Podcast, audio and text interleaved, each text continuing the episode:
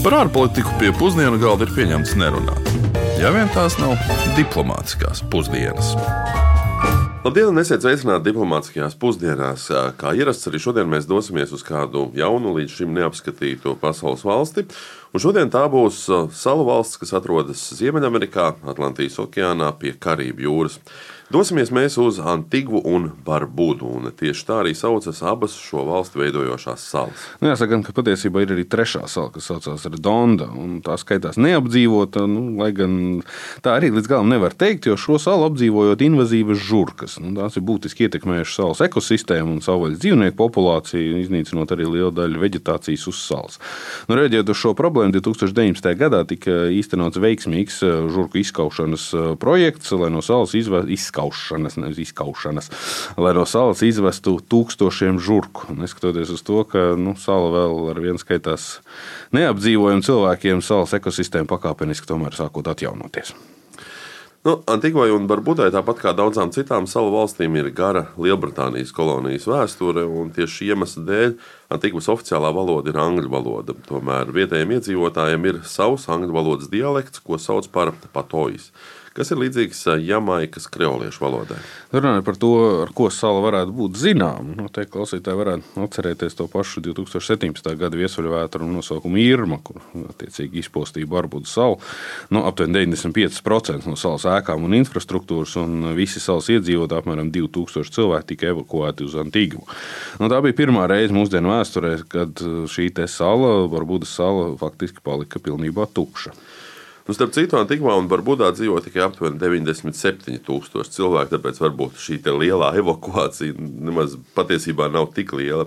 Bet tagad pienāca laiks uzzināt, ko par šīs dienas valsti zina sacīt arī iedzīvotāji šeit pat Rīgas ielās. Ar ko jums asociējas Antigva un Barbuda? par to taču es neko nezinu. Tiešām nē. Bū, par tādām lietām gan ne. nav zināms, nav dzirdēts. Ne. Nav nekas dzirdēts. Nav idejas. mm, turpat es nezināšu, kur tās atrodas. Diemžēl. Kaut kur austrumi, kur tur. Dzirdēts ir, kur nepateikšu, bet zinu, kad ir tāds. Ja nemaldos, tad varētu būt vai nu pie Dienvidamerikas vai pie Āfrikas krastiem. Drīzāk pie Dienvidamerikas. Āfrika kaut kāda varbūt nezinu. Nezinu, tiešām nezinu. Nu, ot, tur gan nav būts. Ir būts Azoros, jā, kaut kas līdzīgs, jā. Tā ir, tas, tās ir kaut kur, tas ir tās Karību salas, jā, kur ir palmas un pērtiķīši kokos un, un daudz, daudz amerikāņu turistu, jā. Stāstot par Antigvu un Barbudu, patiesībā gribas izstāstīt visu un detaļās, bet mēs saprotam, ka nemaz visam īpaši nepietiks laika. Tādēļ šodien pamatēdienā parunāsim pavisam nedaudz par politiku un vairāk par interesantu valsts ekonomiku. Antigua un Barbuda ir demokrātiska valsts ar parlamentāru pārvaldes sistēmu, un, kā jau varbūt varējāt noprast no iepriekš teiktā, tad neatkarību tā ieguva 1981. gadā no apvienotās karalistes. Nē, nu, valstī kļūstot neatkarīgai, tā tomēr bija viena no tām daudzajām, ko mēs jau esam runājuši, kas uh, izvēlējās palikt nācijas sadraudzības dalībniece un saglabāt apvienotās karalistes karalieni karali kā savu konstitucionālo monarhu. Rezultātā Antīgas Barbudas uh, galva šobrīd ir Čārls III. Nu, protams, ka viņam ir šīs ceremoniālās funkcijas, tikmēr valdības vadītājs ir premjerministrs, kur tad attiecīgi ievēl tauta. Antīgas un Barbudas politiskā sistēma parasti tiek uzskatīta par stabilu un demokrātisku. Tajā ir brīvas un godīgas vēlēšanas, un arī dinamiska pilsoniskā sabiedrība. Tomēr tāpat kā daudzās valstīs, arī Antīga un Barbuda saskaras ar tādām problēmām kā korupcija un politiskā polarizācija.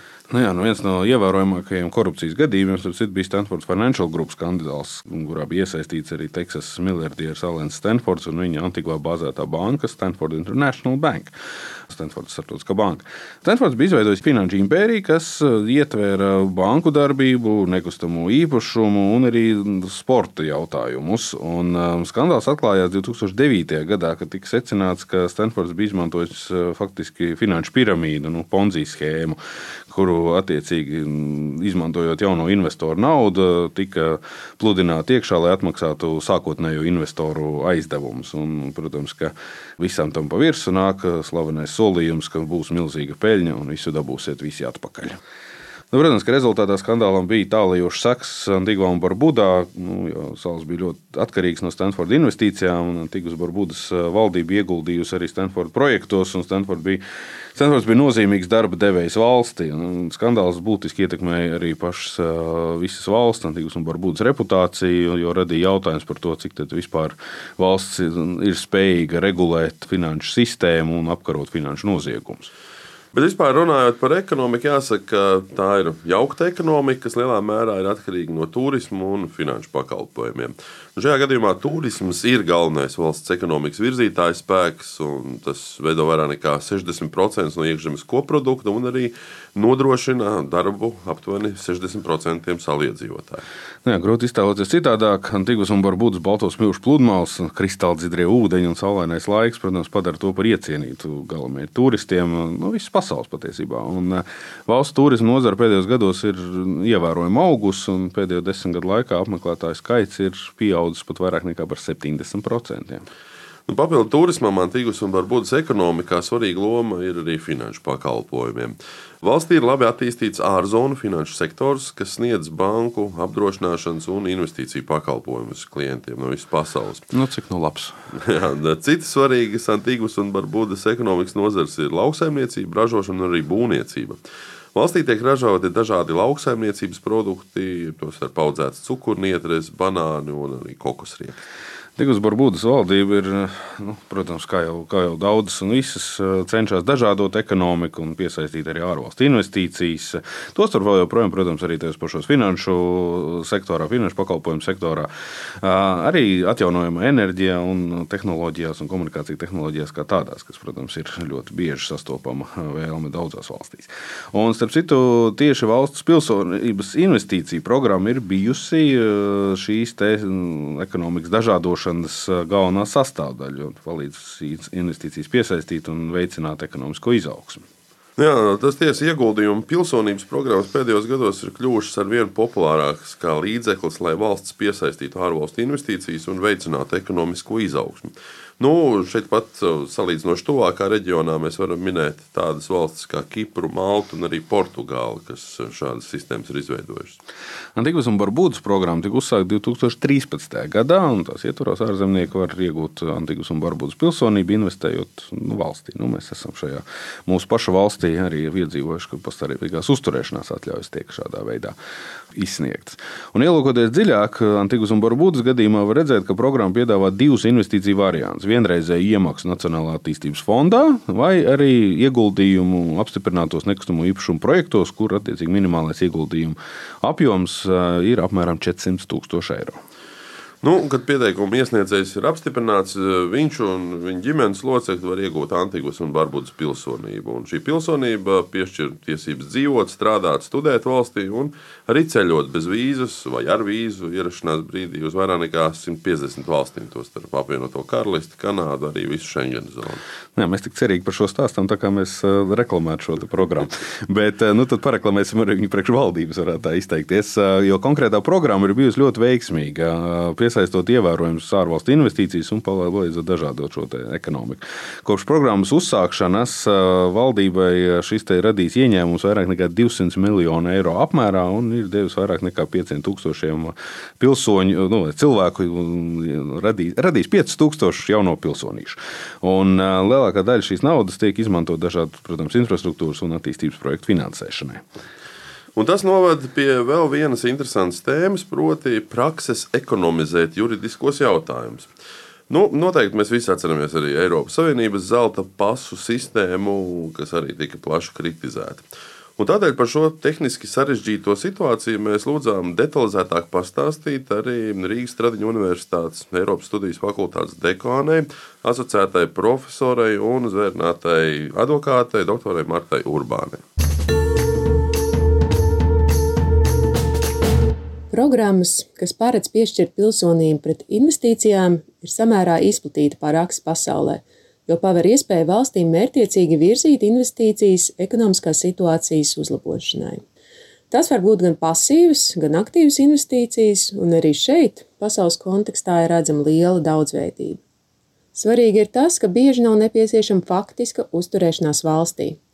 Šādas programmas rada iespēju investoriem pret ieguldījumu saņemt pieeju, piemēram, plašām bezvīzu režīmam, tātad mobilitātei, pieeju labākai veselības aprūpas sistēmai vai izglītībai, nodokļu atvieglojumus un arī darba iespējas.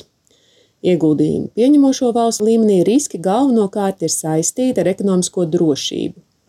Tāpēc daudz viet ieviest stingri mehānismi naudas izcelsmes noskaidrošanai.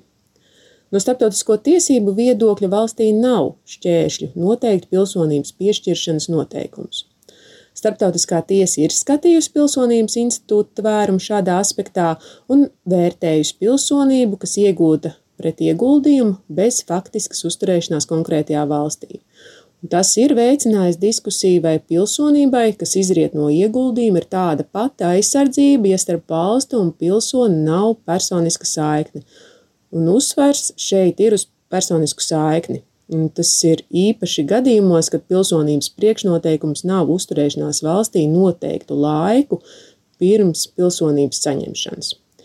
Tiesību ekspertu vidū ir bijušas diskusijas, vai šāda praksa atbilst taisnīguma principam, jo tā tomēr veicina nevienlīdzību, jo ir pieejama tikai labi nodrošinātiem investoriem, kā arī pilsonības komercializācija, tā var teikt, raisa pārdomas par pilsonības institūta satura tvērumu kā tādu.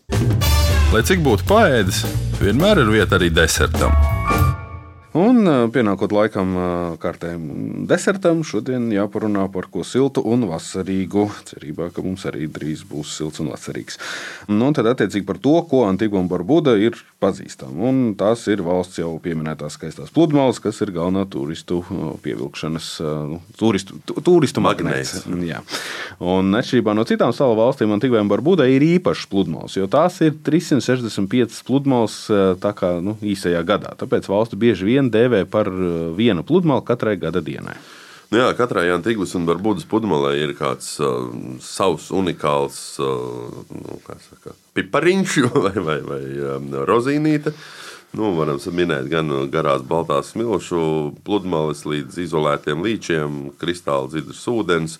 Nu, dažas no slavenākajām Antiglas pludmalēm varētu būt Half Moon Bay, jeb pusmēnesis līcis, Dickinson Bay, Pigeon Point Beach. Un, uh, Dažas no populārākajām pludmalēm ir Low Bay, Two Food Bay, Princess Diana Beach.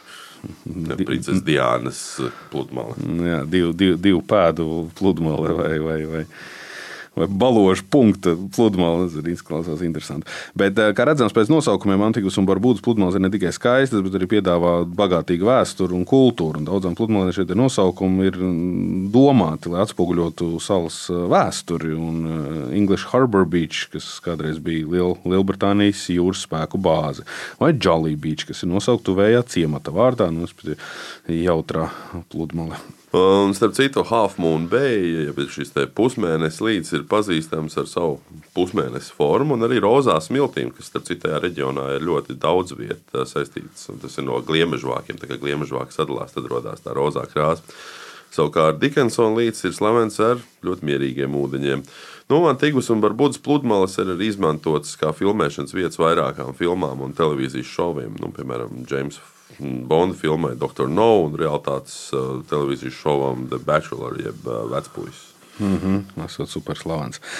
Un, uh, neskatoties uz pludmaļu pārpilnību, tā var izteikties, tad Tiguma Barbuda ir unikāla ar to, ka tajā nav upju un ezeru. Nu, saldūdens avotu trūkums ir saistīts ar nelielu izmēru un atrašanos vietu Karību jūras vidū, bet uh, kas ir būtisks, tad, protams, šis sausais klimats un zemais nokrišņu daudzums vēl papildus uh, veicina turismu un pieplūdi, kas vēlās vienkārši baudīt labu laiku bez uh, ledaina lietus. Nu, ja tic Tomam Brīsīm, tad šīs nedēļas nogalē arī soli jau pirmos plus 20 grādus arī mūsu reģionā. Bet ar šo mēs arī noslēgsim uh, šīs dienas raidījumu. Nākamā nedēļā mēs dosimies uz vēl kādu visai siltu valsti, droši vien uz Kongo Republiku. Atgādināšu tikai, ka mūsu raidījums ir klausāms arī raidierakstu formātā, arī Latvijas radio mājaslapā, mobilajā lietotnē. Un šo raidījumu mums, kā vienmēr, palīdzēja veidot Ulris Česbers un Aleksandra Palko uz sadzirdēšanos. Lai izdodas!